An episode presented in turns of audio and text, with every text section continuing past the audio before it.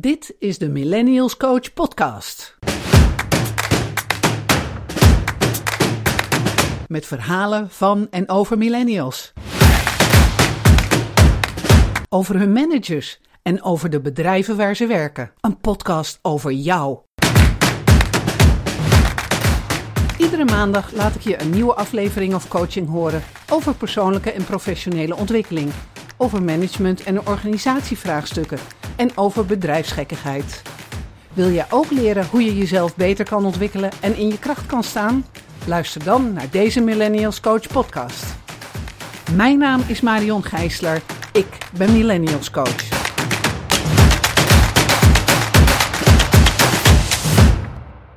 In deze derde aflevering van de Millennials Coach podcast neem ik jullie mee naar het begin. Wat is een millennial? Millennials kan je indelen volgens verschillende manieren en daar gaan we het over hebben. We gaan het een beetje definiëren, grenzen aangeven, waar hebben we het nou eigenlijk over? Dus aan het eind van deze aflevering weet je iets over indeling in jaren, weet je iets over indeling in karakteristieken. Veel plezier met het beluisteren van deze Millennials Coach podcast. Al een jaar of twintig, misschien wel ietsjes meer, is het woord, bestaat het woord millennials in onze taal. Ik kan me herinneren dat uh, daar waar ik werkte, iedereen het er ineens over had en ik vroeg me af, waar heb je het nou over? Millennials, wat is dat? Goeie vraag. En nu heb ik millennials als mijn focusgroep. En nu vragen mensen mij ook, wat is nou een millennial? En ik vind het nog steeds een hele goede vraag. Strikt genomen kan je millennials op twee manieren aanduiden: door een cijfermatige indeling en door karakteristieken. En ik begin even met de cijfermatige aanduiding. De cijfermatige aanduiding is het indelen van mensen in leeftijdsgroepen of generaties. Een leeftijdsgroepen wil zeggen dat je puur kijkt naar de jaren waarin je ze indeelt. Maar generaties zijn groepen mensen die dingen delen, die overeenkomsten hebben in belevingen Bijvoorbeeld, ze hebben een gedeelde levensgeschiedenis. Ze hebben samen gedeelde omstandigheden, bijvoorbeeld economische omstandigheden. Ze hebben gedeelde invloed en gedeelde beleving van de tijdsgeest. Want de geschiedenis, de geschiedenis, de geschiedkundige omstandigheden waar ze in zitten, die bepalen ook veel van wat er om, zich, om ze heen gebeurt en wat ze daarin beleven. En zo hebben ze ook gedeelde, een gedeelde reactie op de tijdgeest. Ik moet altijd denken aan de bezetting van het Maagdenhuis. De, de, de protesttijd van de 1960, 1970 en wat daar gebeurde. En dan denk ik ook dat soort bezettingen en massale uitzettingen, de, de optreden van de politie, ook in kraakpanden. Ja, dat heb je nu niet meer. Er is iets anders voor in de plaats gekomen. Maar dat soort dingen definieerden natuurlijk heel erg de omgeving en de omstandigheden waar mensen in leefden. En die leeftijdsgroep, die generatie maakte dat mee. En daar had men ook een bepaalde reactie op. En als laatste een gedeelde bestemming, een doel in het leven. En hoe je, of hoe je het ook maar wil noemen. En ik denk niet dat iedereen hetzelfde doel in het leven heeft. Maar ik denk wel dat ze een gedeelde overtuiging hebben van waar dingen heen moeten. Dus we vinden dat, hè, nu is het milieu is heel erg uh, prominent aanwezig. We vinden dat de wereld gered moet worden. We vinden dat het milieu aandacht moet krijgen. We vinden, en daardoor verschuiven de collectieve normen en waarden ook. Waardoor zo'n generatie, zo'n leeftijdsgroep getekend en afgebakend wordt. Dan kan je je afvragen van hoe zitten die generaties dan in elkaar?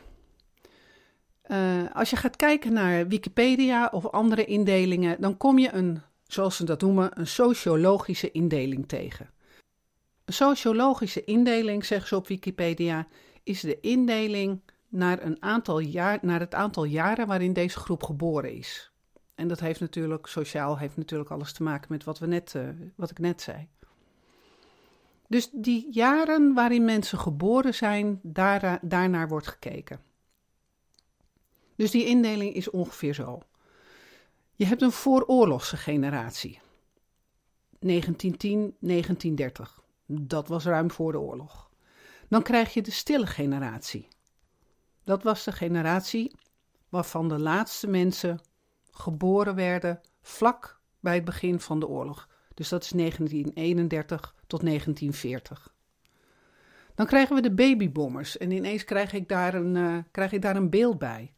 De mensen geboren rond 1950 of in de 50er eh, jaren. Het is de indeling 1940-1955. Ze werden ook wel de protestgeneratie genoemd. Een beetje met die maagden, uh, een beetje de indruk van die maagden, of de sfeer van die maagdenhuisbezetting waar ik het net over had. Daarna krijgen we de verloren generatie, 1956 tot 1970. Ook wel generatie X genoemd. Daar kwam die eerste keer die aanduiding met die X en Y en zo naar boven. En als je goed gaat kijken, dan zie je dat dit de kinderen van de stille generatie zijn. Dus de stille generatie, dat is de generatie hè, 1931 tot 1940. De groep daarna, dat, was de, dat is de pragmatische generatie. De pragmatische generatie is 1970 tot 1985. Dat waren de kinderen van de protestgeneratie. Later gaan we ook kijken wat daar de karakteristieken van zijn. En daarna komen de millennials, 1985 tot 2000. Of generatie I ook wel genoemd. En zij zijn de kinderen van de verloren generatie. Na de millennials komen, komt generatie Z. De Z is van Zoomer, dat wist ik ook niet, daar kwam ik achter. En die zijn geboren van 2000 of 2001 tot 2015, als we even doortellen. En gelukkig worden er nog steeds kindertjes geboren en die worden nu al generatie Alpha genoemd. Wie weet wordt dit de coronageneratie, maar dat hoop ik niet. Ik hoop dat corona sneller weggaat dan dat het een hele generatie een stempel geeft. Wat je zal zien is er zijn een aantal verschillende aanduidingen in leeftijdsgroepen. Uh, Wikipedia, uh, dit was de indeling van Wikipedia. Je merkt dat je nu en dan 20 jaar, nu en dan 15 jaar, 10 jaar, dus het is niet helemaal eenduidig. Uh, waar ik erg van hou is de indeling van Aard Bontekoning. Uh, die doet een indeling in grofweg steeds 15 jaar. En dat maakt, ik vind dat erg helder en dat maakt het ook heel makkelijk om beter te pakken. Aart Bontekoning is een uh, Nederlandse organisatiepsycholoog. Hij is uit 1949, dus hij is van de protestgeneratie. En deze meneer heeft erg veel onderzoek gedaan naar generaties en heeft heel, heel veel uh, publicaties op zijn naam staan over de millennials. Een Amerikaanse indeling die ik ook tegenkwam, die deelt de millennials in als zijnde van 1981 tot 1996 en een generatie Z als 1996 tot nu. Dus je ziet daar dat in die indeling de, de millennials al lang weg zijn, zeg maar. En dat generatie Z al lang er is. Ik vind het fijner om 1985 tot 2000 aan te houden en dan 2000 tot 2015. Dus als je mij hoort over millennials, zijn de millennials nu 20 jaar tot ongeveer 35 jaar.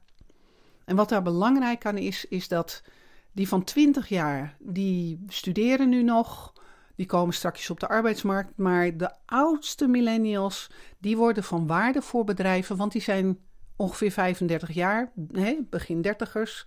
En daardoor krijgen ze waarde voor de opvolging in de bedrijven waar ze werken. En daarom vind ik het zo'n interessant uh, stuk van die, uh, van die leeftijdsgroep. Nou is generaliseren altijd uh, gevaarlijk. Want um, ja, 15 jaar een, een hele groep beschrijven aan de hand van een paar kenmerken over 15 jaar, dat is toch, nou, ik vind dat toch lastig.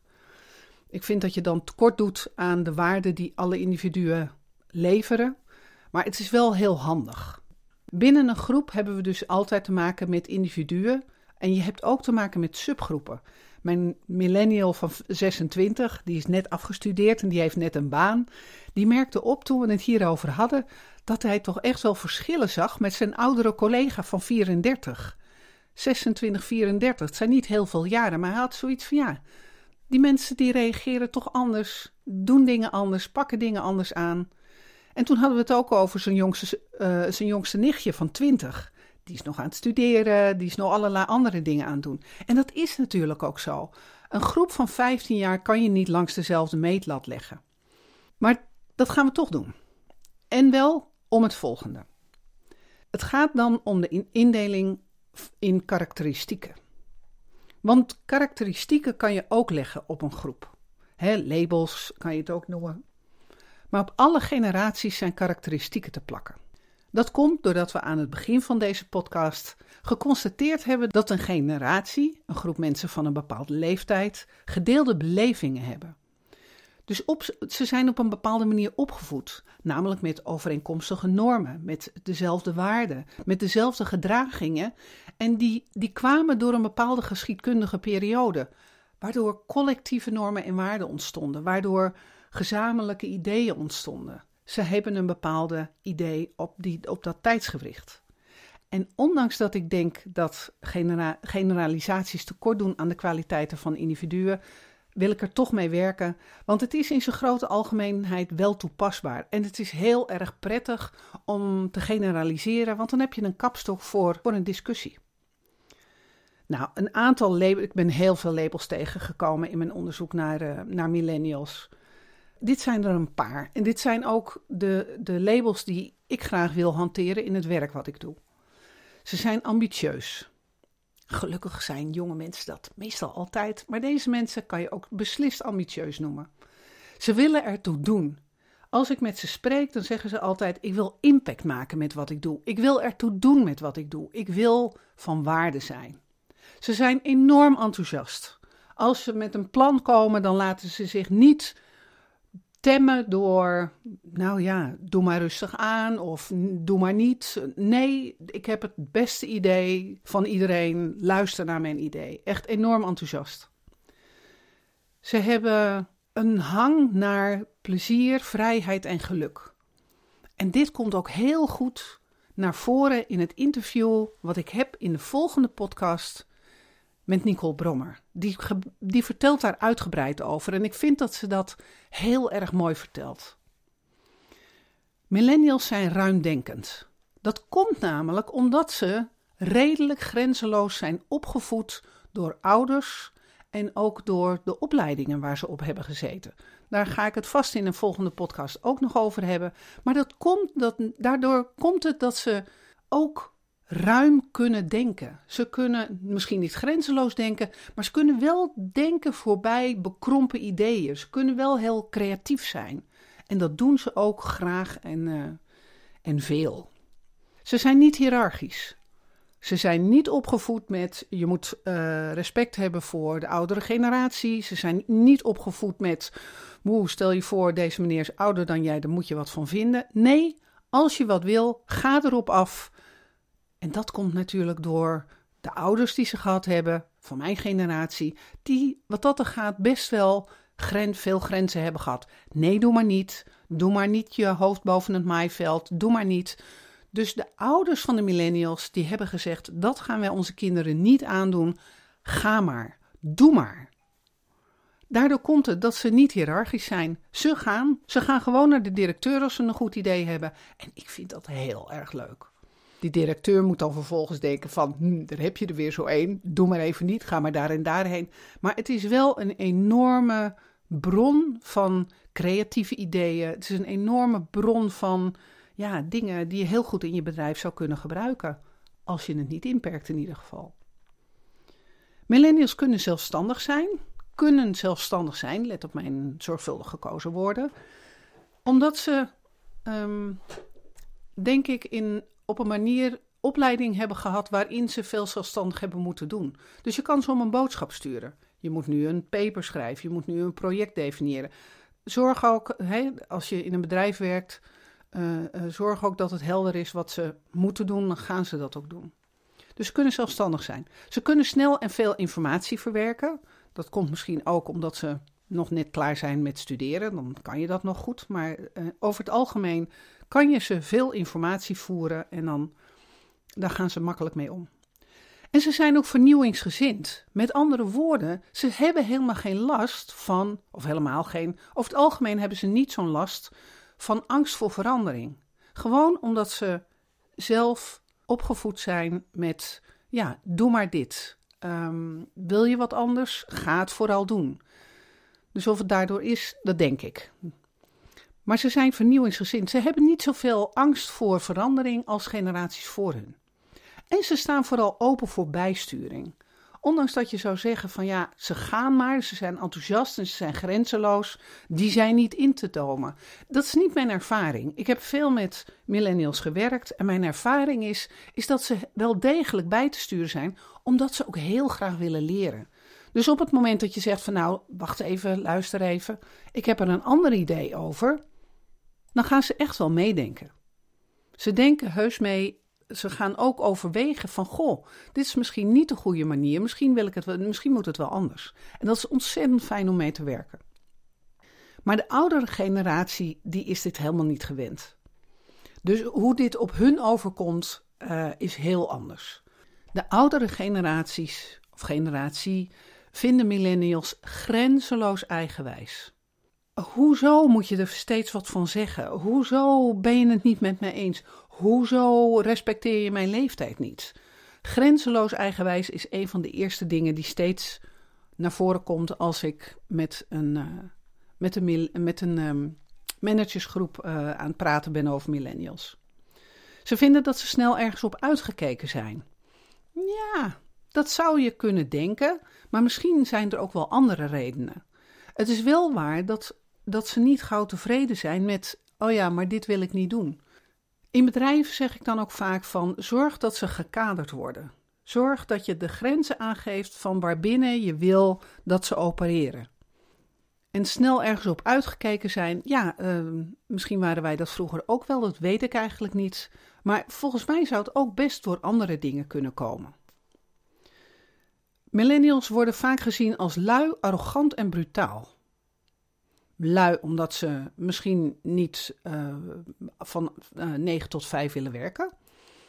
Arrogant omdat ze het steeds beter denken te weten. En brutaal omdat ze geen gevoel voor hiërarchie hebben zoals oudere generaties dat geleerd hebben. Dat kan, maar ik denk dat als je het van een andere kant bekijkt, dat ineens heel anders wordt. Ze denken het voortdurend beter te weten, dat zei ik net al. Ze spreken dus hun managers tegen of de mensen die hoger in de hiërarchie staan. Dat zijn mensen die hoger in de hiërarchie staan niet altijd gewend. Dus dat vinden ze lastig.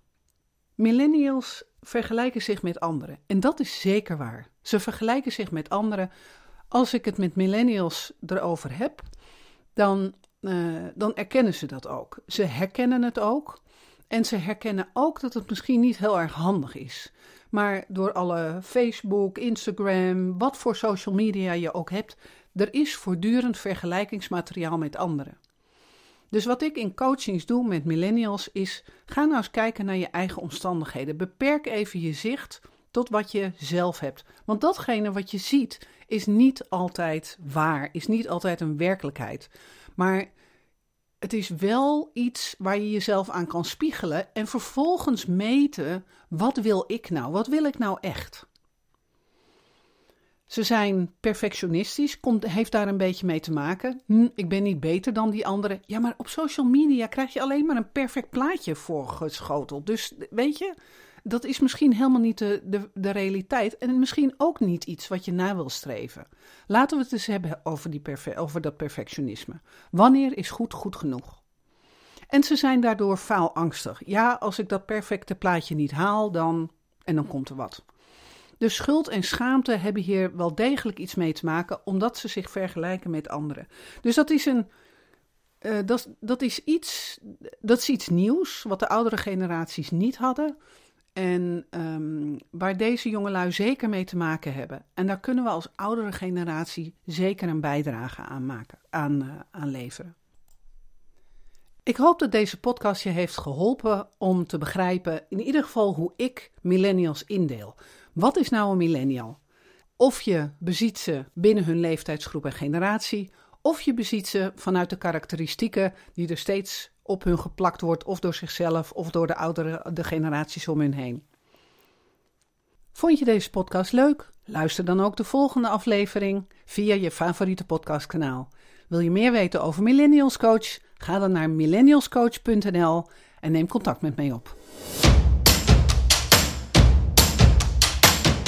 Mijn naam is Marion Gijsler. Ik ben Millennials Coach. Ik help millennials te stralen bij de bedrijven waar ze werken. En ik help de bedrijven om de millennials die ze in dienst hebben of willen hebben te boeien en te binden en optimaal de ruimte te geven als volgende generatie in de organisatie. Ik nodig je uit om daar een goed gesprek met mij over te hebben. Ga naar millennialscoach.nl en neem contact met me op. Tot snel.